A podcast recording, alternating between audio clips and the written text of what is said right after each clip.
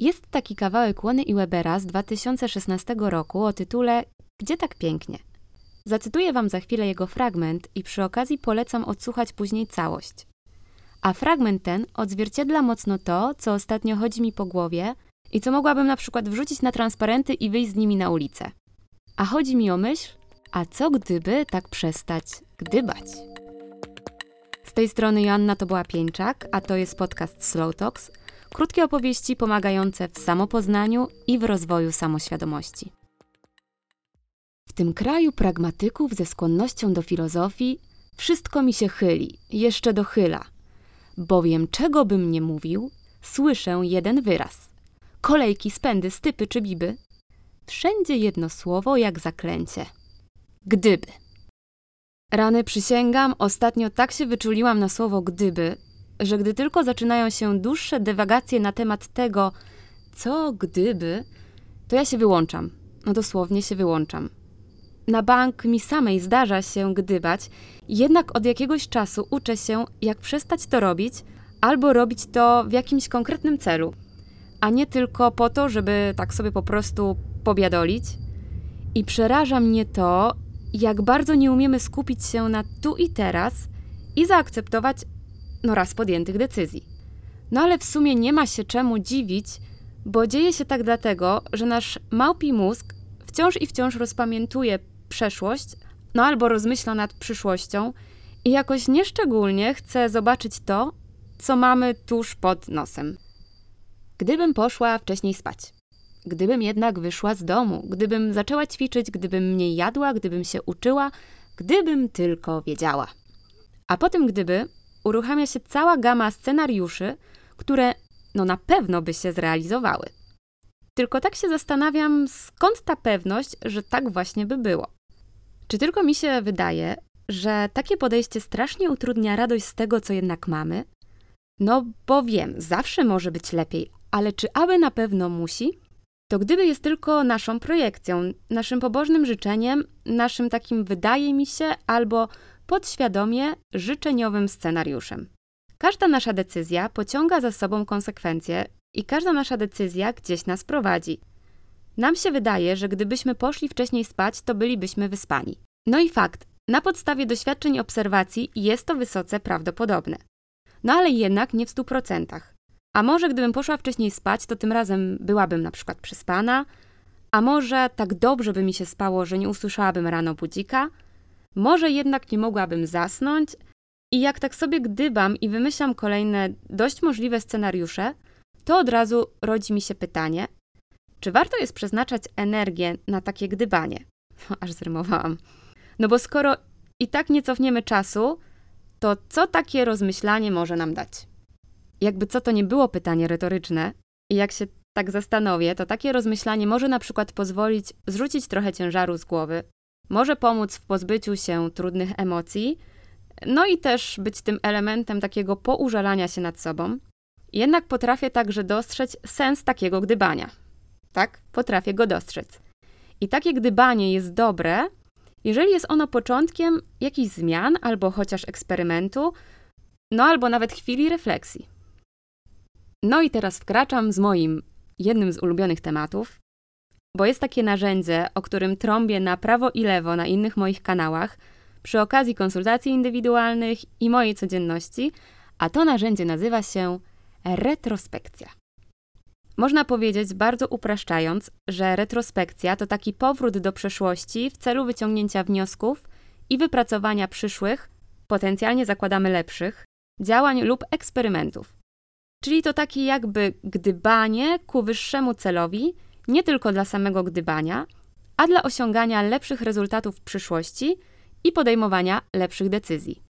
Wrócę teraz na chwilę do mojego poprzedniego życia, bo tam po raz pierwszy doświadczyłam retrospektywy, gdy zaczęłam staż w dziale IT w 2013 roku. Jeszcze wtedy nie wiedziałam, że znajomość i umiejętność prowadzenia dobrej retrospektywy stanie się moją niemal codzienną pracą. Bo teraz wyobraź sobie, że zespoły w IT w niektórych firmach pracują w takich jedno-dwutygodniowych slotach zwanych sprintami, podczas których mają do zrealizowania określony na początku cel. Po tym czasie odbywa się cykliczne wydarzenie, na którym podsumowują efekty swojej pracy i pokazują realizację tego celu. No i cel może być zrealizowany i wtedy pokazują efekt, lub cel może być niezrealizowany i wtedy jest rozmowa, dlaczego się nie udało. I po tym wszystkim następuje właśnie taka retrospekcja, podczas której zespół rozmawia o tym, jak pracowało mu się w ostatnim sprincie. Co było dobre, a co można jeszcze poprawić, by i efekt, i współpraca były lepsze. Na podstawie tych rozkmin opracowuje się plan usprawnień do wdrożenia w kolejnych dniach, a na następnej retrospekcji podsumowuje efekty tych usprawnień. To zazwyczaj są drobne kroki, małe eksperymenty, które mogą sprawnie przynieść odpowiedź, czy dalsze takie działania mają w ogóle sens. Ten proces inspekcji, czyli właśnie weryfikacji stanu obecnego i adaptacji, czyli wdrożenia usprawnień, możesz zaaplikować również do swoich działań. No bo zastanówcie się, ile razy po skończonym projekcie, zorganizowanej podróży, 30-dniowym wyzwaniu usiedliście na chwilę i przeznaczyliście czas na podsumowanie tego, co się właśnie wydarzyło. No i nie chodzi mi o podsumowanie efektu, ale o podsumowanie procesu. Podsumowanie efektu mogłoby brzmieć: ale miałam dobre wakacje. A podsumowanie procesu: dobrze zaplanowałam ten czas i dobrze zaplanowałam budżet. I tak, te dwie rzeczy się ze sobą łączą, ale nie zawsze efekt wiąże się z dobrym procesem i odwrotnie, bo czasem proces może nie być dostosowany do tego, czego w rzeczywistości potrzebujemy. Dlatego warto podsumować nie tylko efekt, a i proces, a wszystko po to, by kolejny projekt, podróż, wyzwanie ogarnąć lepiej i przy okazji prawdopodobnie przyjemniej. No dobra, i być może to zakrywa o fanatyzm, ale nawet po moim ślubie przeprowadziłam z moim mężem retrospekcję, choć niekoniecznie planujemy kolejny ślub. Jednak dzięki takiej rozmowie zauważyliśmy, ile rzeczy nam się udało, wyłapaliśmy trudne momenty i obiecaliśmy sobie, że przy kolejnym podobnym projekcie unikniemy niektórych błędów. Tak samo zrobiliśmy przy wydaniu naszego pierwszego wspólnego produktu elektronicznego ze slowtalks.pl. Na gorąco po skończonym projekcie zrobiliśmy retrospekcję i teraz przy tworzeniu kolejnych produktów już wdrażamy tamte usprawnienia. Dzięki temu realnie uczymy się na naszych wcześniejszych niedociągnięciach i lepiej planujemy nowe prace. Ok, ja tutaj gadam o tej retrospekcji, ale pytanie, jak taka retrospekcja może wyglądać? No i w najprostszej postaci wyobraź sobie, że bierzesz na tapet jakieś wydarzenie, czynność, sytuację i zastanawiasz się, co takiego było w tym wszystkim ok, a co można by następnym razem zrobić lepiej. To jeszcze raz, czym to się różni od gdybania? I jak to też pomaga przestać gdybać? Ano tym, że patrząc na przeszłe doświadczenia, stawiamy hipotezy, jakie nasze przyszłe zachowania mogłyby przynieść lepszy efekt. Nie mamy pojęcia, czy to przyniesie lepszy efekt, dlatego sprawdzamy to w praktyce. W gdybaniu jest założenie, w retrospekcji przypuszczenie. Gdybanie nie pociąga za sobą akcji. To jest dla mnie taka nostalgia za niepodjętą decyzją. I jak już powiedziałam wcześniej, dlatego właśnie inwestowanie czasu w gdybanie jest dla mnie bez sensu, ale inwestowanie w retrospekcję sens już ma, no i dla mnie ogromny. Na koniec tego odcinka przeprowadzę Cię przez jedną taką retrospekcję, więc polecam zostać ze mną do końca. Wracając jeszcze na chwilę do tego całego gdybania, jest jeszcze jeden rodzaj gdyby, na który proponuję spojrzeć z zupełnie innej strony. Ostatnio rozmawiałam ze znajomym, a on mówiąc o swoim odkryciu stwierdził, cytuję: Człowiek taki głupi, gdyby mógł wcześniej to wymyślić. I wiecie, co ja pomyślałam? No, pomyślałam, że nie mógł. No, nie mógł tego wcześniej wymyślić, bo gdyby mógł, to pewnie by to wymyślił. O co nam chodzi, że zamiast cieszyć się z tego, co wymyśliliśmy, nie tydzień temu, nie wczoraj, a właśnie teraz, no ale jednak wymyśliliśmy, wolimy pastwić się nad sobą, że nie wpadliśmy na to wcześniej. Ciekawe, co by było, gdyby Archimedes zamiast krzyknąć Eureka, krzyknąłby Ale ja głupi, czemu ja wcześniej na to nie wpadłem? Może zamiast dzielić się swoją genialną myślą, rozwodziłby się nad tym, jak długo mu to zajęło? Może my wciąż nie wiedzielibyśmy, że ciało wypiera tyle samowody, ile waży? A zresztą to i tak jest nieważne. Ważne, by doceniać siebie za to, że coś się wydarzyło, niż karać, że wydarzyło się tak późno. Bo ja wierzę w to, że to, co się dzieje w danej chwili, to jest właśnie to, co miało się wydarzyć. Że to, co umiemy w tym momencie, to jest to, co powinniśmy umieć.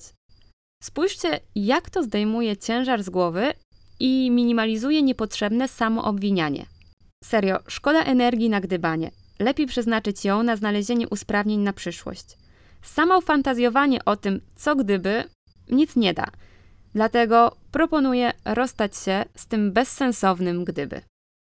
Obiecałam, że na koniec będzie przykład konkretnej retrospekcji i oto ona. Na początek pokażę Ci jedną prostą technikę, którą możesz wykorzystać w zasadzie do wszystkiego. Możesz nawet za jej pomocą podsumować swój dzień lub tydzień i wyciągnąć wnioski na kolejny. Technika ta nazywa się Mat Sat Glad. Weź kartkę i narysuj na niej tabelkę. Jak dokładnie ta tabelka może wyglądać, znajdziesz w linku zamieszczonym w opisie tego podcastu. Podziel tą tabelkę na trzy kolumny. Pierwsza o tytule mat, druga o tytule sat, a trzecia o tytule glad. Mat to wszystkie rzeczy, które doprowadziły ciebie do tak zwanego szaleństwa. Problemy, niemiłe zaskoczenia, które spotkały cię na przykład właśnie w ostatnim tygodniu, który podsumowujesz. Sad natomiast to wszystko to, co sprawiło, że poczułeś, poczułaś się smutna, zatroskana, coś, co niekoniecznie było dla ciebie miłe. A trzecia kolumna, czyli glad, to wszystko to, co ciebie uradowało, zadowoliło, sprawiło uśmiech na twojej twarzy, z czego jesteś dumna, dumny, lub po prostu to, co chcesz zapisać, bo uważasz, że warto, żeby znalazło się w tej kolumnie przepełnionej radością i szczęściem. No i tak, do tego ćwiczenia możesz usiąść sam sama albo zaprosić na przykład swojego partnera lub partnerkę. Po uzupełnieniu listy wybierz od jednej do trzech pozycji z części mat i sad, a potem zadaj sobie pytanie: co mogę lub możemy zrobić, aby uniknąć lub wyeliminować te rzeczy, które mnie nas zesłościły, zesmuciły albo zmartwiły? I postaraj się wdrożyć te zmiany w przyszłości, czyli na przykład właśnie w kolejnym tygodniu. Doceń też te, które pojawiły się w części glad i powiedz sobie po prostu dobra robota i spróbuj te rzeczy, które cię uszczęśliwiały lub te rzeczy, które robisz dobrze, zaadoptować do swojej codzienności. No o ile jeszcze to się nie dzieje. Jeśli szukasz więcej pomysłów na retrospekcję, zapraszam Cię do zapoznania się z moim przewodnikiem rozwojowym, szczególnie do części myśli i wnioski oraz realizacja celu. Wersję testową tego przewodnika możesz pobrać za darmo z mojej strony slowtalks.pl. To był szósty odcinek podcastu Slow prosto z balijskiej dżungli. No i do usłyszenia, mam nadzieję, w następnym odcinku. A jeśli podobają Ci się tworzone przeze mnie treści, to zaobserwuj ten kanał i daj mi znać na Instagramie. Do usłyszenia!